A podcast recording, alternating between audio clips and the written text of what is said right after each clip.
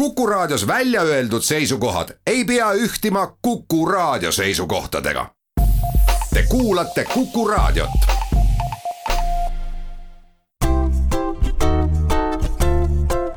patsiendiminutid, Patsiendiminutid toob teieni Eesti Patsientide Liit.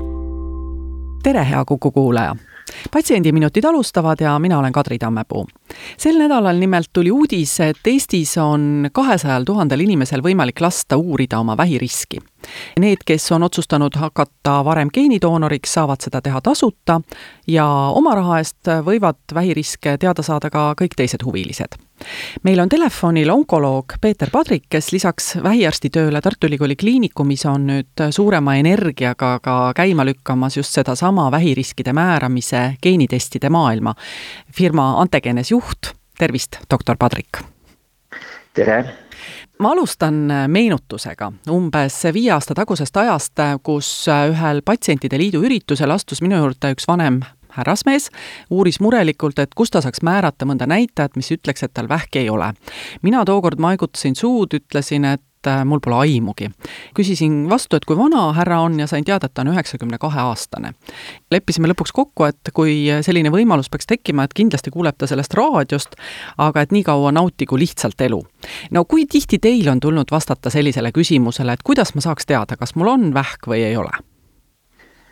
jaa, üsna tihti sellele ongi keeruline vastust anda, sest äh, kasvajaid on väga erinevaid tüüpe erinevates organites.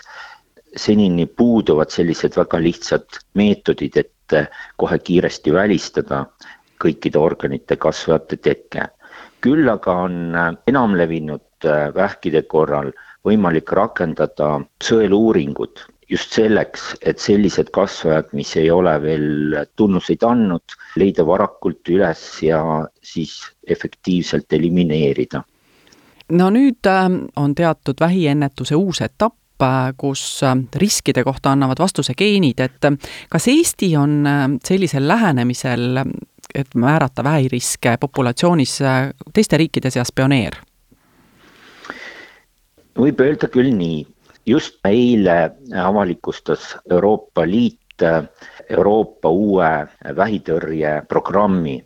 selles on väga oluline osa ka ennetusel ja kasvajate varasel avastamisel. Ja selles omakorda on oluline osa just ka geeniuuringutel, geeniinfo rakendamisel ja eraldi on välja toodud selline uus tehnoloogia nagu polügeensed riskiskoorid.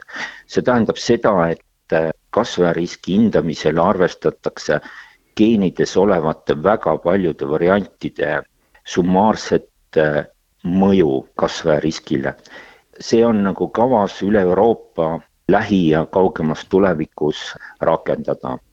võimegi öelda, et vähemalt osade kasvajate osas on see Euroopa tulevik Eestis juba täna ehk nende polügeensete riskiskooride tehnoloogial põhinevat äh, vähiriski hindamist on võimalik juba teha tervishoiupraktikana täna Eestis just meie meditsiinilabori Antegeenes või me ise ütleme Antegenes, kuivõrd me oleme küll Eesti ettevõte, aga me tegutseme rahvusvaheliselt. Ante on ladina keeles enne, genes on geenid inglise keeles, et see on geneetiline informatsioon enne haigusi. ja mida me saame nende testidega teha, me ei diagnoosi nendega vähki.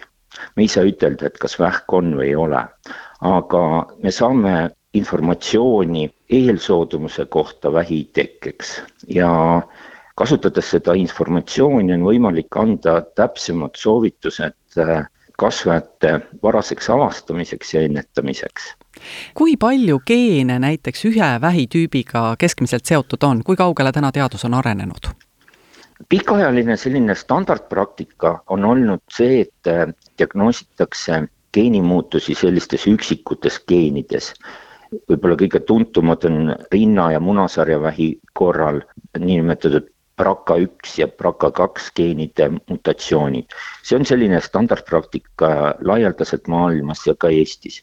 aga ongi leitud, et palju sellist äh, vähi eelsoodumust on just nagu polügeensete, ehk see on üle geenide olevate üksikute variantide mõjust, mis igaüks, iga variant üksi annab väga väikse mõju, aga kui nende informatsioon äh, kokku panna, siis on juba mõju oluline. erikasvajate puhul on neid variantide arv erinev, et ütleme, meie rinnavähi test näiteks äh, arvestab kaks tuhat kaheksasada kolm geenivarianti, summeerib nende mõju siis äh, eelsoodumuse riskihinnanguks.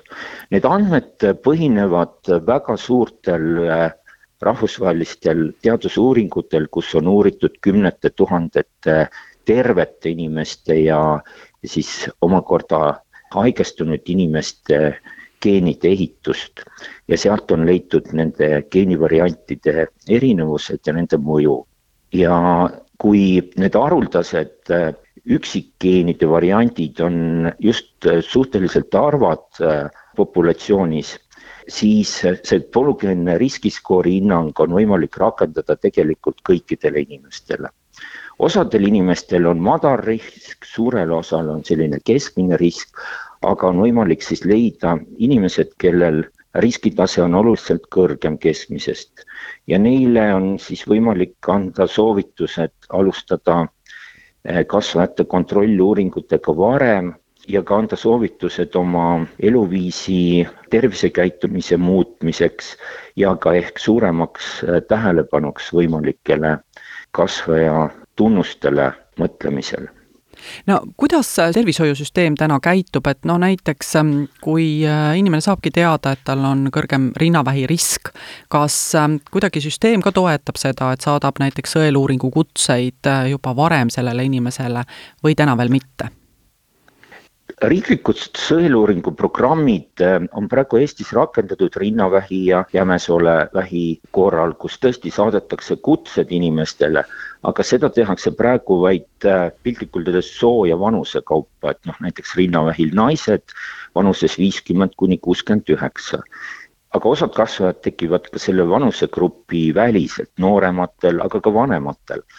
ja nüüd äh, kui me suudame määratleda ära need kõrgema riskitaseme inimesed, siis on samasuguseid meetmeid võimalik rakendada ka neile. küll aga jah, tõesti, riiklikud sõeluuringu programmid selleni veel ei ole jõudnud, seda arutatakse, ilmselt see võtab äh, pikemalt aega, aga teisipidi, kuivõrd äh, kasvajad ju ei oota, siis me saame seda kasvajate täppisennetust rakendada juba praegu. paljudel juhtudel, kui on madal või keskmine risk, tuleb see võtta teadmiseks ja ei pea kohe midagi tegema. teistel juhtudel, kui on nagu tõesti kõrgem riskitase, siis on võimalik meie poole Antegene siis pöörduda täiendavaks geneetiliseks konsultatsiooniks, aitame ka rakendada edasised meetmed, kui vaja senine kogemus tegelikult näitab, et äh, päris palju inimesi on pöördunud ka oma perearsti poole, kelle praktikas on ka sellised üsna lihtsad meetmed, nagu näiteks peitvere testi määramine väljaheitest või eesnäärmevähi analüüsi, PSA analüüsi teostamine, mis on tegelikult juba täna tervishoiusüsteemis võimalik teha samuti on ka naistel, kes ei ole selles mammograafia sõeluuringu vanusegrupis, võimalik pöörduda nii rinnakliinikutesse kui ka oma perearsti poole küsimusega, et kas oleks mammograafiline uuring võimalik teha. tavaliselt on lisaks siis äh, melanoomi puhul, näiteks teil on, eks ole, see melanoomi riskitest ka nimekirjas, et äh, seal on võimalik siis lasta sünnimärke uurida, et, äh, et võib siis seda soovitada või? melanoomi puhul ei ole sellist rutiinset rahvastikupõhist sõeluuringut. lihtsalt kõikide nii-öelda sõelumine ei ole otstarbekas. aga tõesti, teadusuuringud on näidanud, et osadel inimestel on geneetiliselt kõrgem eelsoodumus melanoomi tekkeks meie oleme praegu soovitanud selliselt oluliselt kõrgema riskitaseme korral tõesti kontrollida neid nahamuutusi arstipoolselt, aga ka ise neid muutusi jälgida ja korrigeerida ka enda tervisekäitumist näiteks intensiivse päikesekiirguse vältimise osas, mis on kõige suurem melanoomi riskifaktor. Läheme siit korraks pausile. patsiendiminutid, Patsiendiminutid toob teieni Eesti Patsientide Liit oleme pausilt tagasi, räägime vähi ennetamise uuest võimalusest doktor Peeter Padrikuga ja mina olen Kadri Tammepuu praegu ongi siis nimekirjas neli testi, mille vahel on võimalik geenidoonoril valida. Need on siis rinnavähi, jämesolevähi, melanoomi ja eesnäärmevähi riskitestid. jah, täpselt. ma veel selgitaksin natuke, miks geenidoonoritel on teistsugune lähenemine. meil on Eestis olnud äh, tükk aega see ulatuslik geenidoonorite programm Eesti geenivaramusse ja kõikidele geenidoonoritele on juba teostatud geenide kaardistus. me oleme teste tehes äh, varem saanud äh, päris palju küsimusi, et aga ma olen ju geenidoonor, kuidas ma saaks äh, seda informatsiooni kasutada. geenivaramu Tartu Ülikooli alluvuses ei ole tervishoiuteenuste osutaja ja seetõttu ei olegi nagu lihtne Tartu Ülikoolist otse seda informatsiooni kasutusele võtta. nüüd meie oleme selle niimoodi lahendanud, et äh, kes on geenidoonorid, neil on võimalik küsida geenivaramust välja enda geenide kaardistus, teha meie koduleheküljel www.antegenes.ee geenidoonori lingil taotlus ja nõusolek geenitesti teostamiseks, laadida enda turvalisele kontole oma geenikaart üles, mille alusel siis me saame anda selle geenitesti vastuse koos konkreetsete arstlike soovitustega, mis siis teha. lihtsalt see geenikaarti, olemasoleva geenikaarti kasutamine teeb kogu protsessi oluliselt odavamaks nüüd need, kes ei ole geenidoonorid, nendel me peame tegema uue tehnilise geenide kaardistuse, mille pealt siis saame samasuguse raporti koostada selge, aga nüüd äh, ma saan aru, et on võimalik valida üksteist kolme hulgast, äh, sest noh, naistel ei ole mõtet äh, uurida eesnäärmevähi riske ja, ja meestel siis rinnavähi riske. kuidas inimene nüüd saaks valitud, et kes aitaks valida või, või kuidas valida, annate äkki mõne hea soovituse? No tegelikult me soovitame ikkagi kõiki kolme testi teha. tõsi küll, need vanused testide sihtrühmadel on erinevad, sõltuvalt sellest, kuna mingi kasvaja hakkab äh, konkreetset mõju avaldama. Melanoom näiteks võib tekkida ka suhteliselt noortel inimestel. Ja kui me mõtleme just päiksekiirguse osas tervisekäitumisele, siis tuleb seda alustada juba piltlikult öeldes lapseeast lastele me küll ei tee neid teste praegu, et selleks peab olema ikkagi inimese enda selline väga selge teadev nõusolek.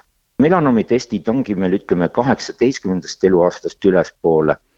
rinnavähki me soovitame naistele alates kolmekümnendast eluaastast, eesnäärmevähi testi meestele alates neljakümnendast ja samaviisi jämesoole vähitesti alates neljakümnendast eluaastast. praegu on esimese maini kampaania kus me siis saame selle ühe testi anda tasuta ja kaksteist testi on võimalik meie koduleheküljelt väga soodsa hinnaga juurde tellida, et üks täiendav test maksab praegu kakskümmend eurot ainult selge, nii et äh, tegelikult väga soodne võimalus, aga läheme selle juurde, et äh, tellin siis testi näiteks ära, saan vastuse, vastus on hirmutav. näiteks on teada, et äh, vähirisk on väga kõrge, kuidas neid uudiseid edastatakse ja selgitatakse? Me peame teisipidi tegelikult mõistma, et meil kõigil on äh, need riskid olemas. keskmiselt näitab statistika praegu, et iga kolmas mees, iga neljas naine haigestub elu jooksul ühte kasvajavormidest ja seega on nagu kõikidel meil need riskid äh, olemas. aga meie riskitasemed on erinevad ja nüüd, kui me teame, et näiteks meil on kõrgem riskitase mingi kasvaja osas, siis me saame teadlikult rakendada just neid ennetavaid meetmeid. kõige lihtsam näide ongi naiste kõige sagedasemas kasvaja rinnavähi korral, kus sõeluuring on praegu viiskümmend kuni kuuskümmend üheksa, aga kui osadel naistel on see sama kõrge risk kui keskmiselt üle viiekümne aastastel, siis eh, nemad peaks alustama sõeluuringut eh, oluliselt varem probleem on tavaliselt selles, et kui antakse riskihinnang ja ei ole selgeid meetmeid, mis siis teha edasi, siis on tavaliselt probleem. aga nii minu kui ka minu kolleegide kogemus tegelikult näitab, et kui riskihinnangule järgneb äh, nõustamine ja just eriti nende konkreetsete meetmete selge tegevusplaani andmine edasiseks, siis see võtab pigem nagu need hirmud ära. Ja ma küll pigem nagu hindaks, et suurem teadlikkus tekitab rohkem turvatunnet kui mitteteadlikkus no ilmselt nii on, aga tõepoolest, et kui inimene saab sinna informatsiooni lisaks või tal on kellegi käest küsida, et üks võimalus on tõesti ka siis võib-olla perearstiga arutada, kui ei taha just sinna konsultatsioonile eraldi tulla. aga selge see, et riskid ju kogu aeg elu jooksul muutuvad, kas või ainult vanusega seoses, et mida vanemaks inimene jääb, seda kõrgemaks risk tõuseb. mis siis saab, kui see, ütleme, see tänane riskihinnang moraalselt vananeb, et on seal üldse mingid mingi niisugune tõsisem probleem, no näiteks avastatakse väga olulised geenid, mida täna test arvesse ei võta? jaa, see on äh, kindlasti võimalik, sest äh, tervishoius, eriti onkoloogias kasvajate korral ei ole midagi sellist staatilist ja igavest, et teadusuuringud käivad ulatuslikult ja võib tulla uut informatsiooni. meie plaan on praegu selline, et siis, kui tuleb uut olulist teadusinformatsiooni, siis me äh, kohandame oma riskihinnanguid ja anname sellest äh, enda patsientidele teada.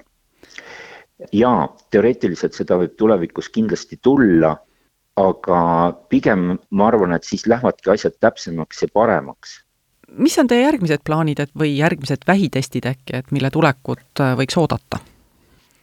Me olemegi praegu olnud pühendunud nüüd nende nelja testi rakendamisele ja nagu igapäevases tervishoiusüsteemis äh, kasutusele toomisele, aga tõesti, et meil on plaanis ka välja töötada ja tuua kasutusele nende kasvajate testid, kust tuleb sellist uut olulist äh, rahvusvahelist teadusinformatsiooni, mida saab rakendada. et need analüüsid meil praegu käivad, ma ei julge ütelda praegu mingit konkreetset kasvajatüüpi, sest me peame olema veendunud, et, et see teadusinformatsioon nagu töötab sellisel kombel. küll pigem ma näen, et on võimalik lähitulevikus tuua kasutusele väga olulise terviseprobleemi nagu kardiovaskulaarhaigused, eks ole, südame-veresoonkonna haiguste geneetilise eelsoodumuse hindamine. siin hiljuti tuli uudis, et äh, Ameerika Ühendriikides kuulus geneetikakeskus Broadi instituut on võtnud kasutusele kliinilises praktikas südame-veresoonkonna haiguste polügeense riskiskoori hindamise. Ja ka Eestis käib äh, praegu teadusuuring selles osas, nii et et äh, ma arvan, et see võib olla veel lisaks oluline järgmine samm sama tehnoloogia rakendamisel tervishoidu selge, no igal juhul jääme põnevusega neid äh, uusi tulemisi ootama, aga niikaua siis esimese maini on võimalik äh, kõigil geenidoonoritel vähemalt üks test vähiriskide hindamiseks teha tasuta ja teised siis ülisoodsa hinna eest. jaa väga tore, suur aitäh, doktor Padrik, nende selgituste eest ja soovime edu tulevikuks! suur tänu teile ja palju tervist kõigile! aitäh! Täname ka kõiki kuulajaid, oleme tagasi nädala pärast ja seniks püsigem terved! patsiendiminutid. patsiendiminutid toob teieni Eesti Patsientide Liit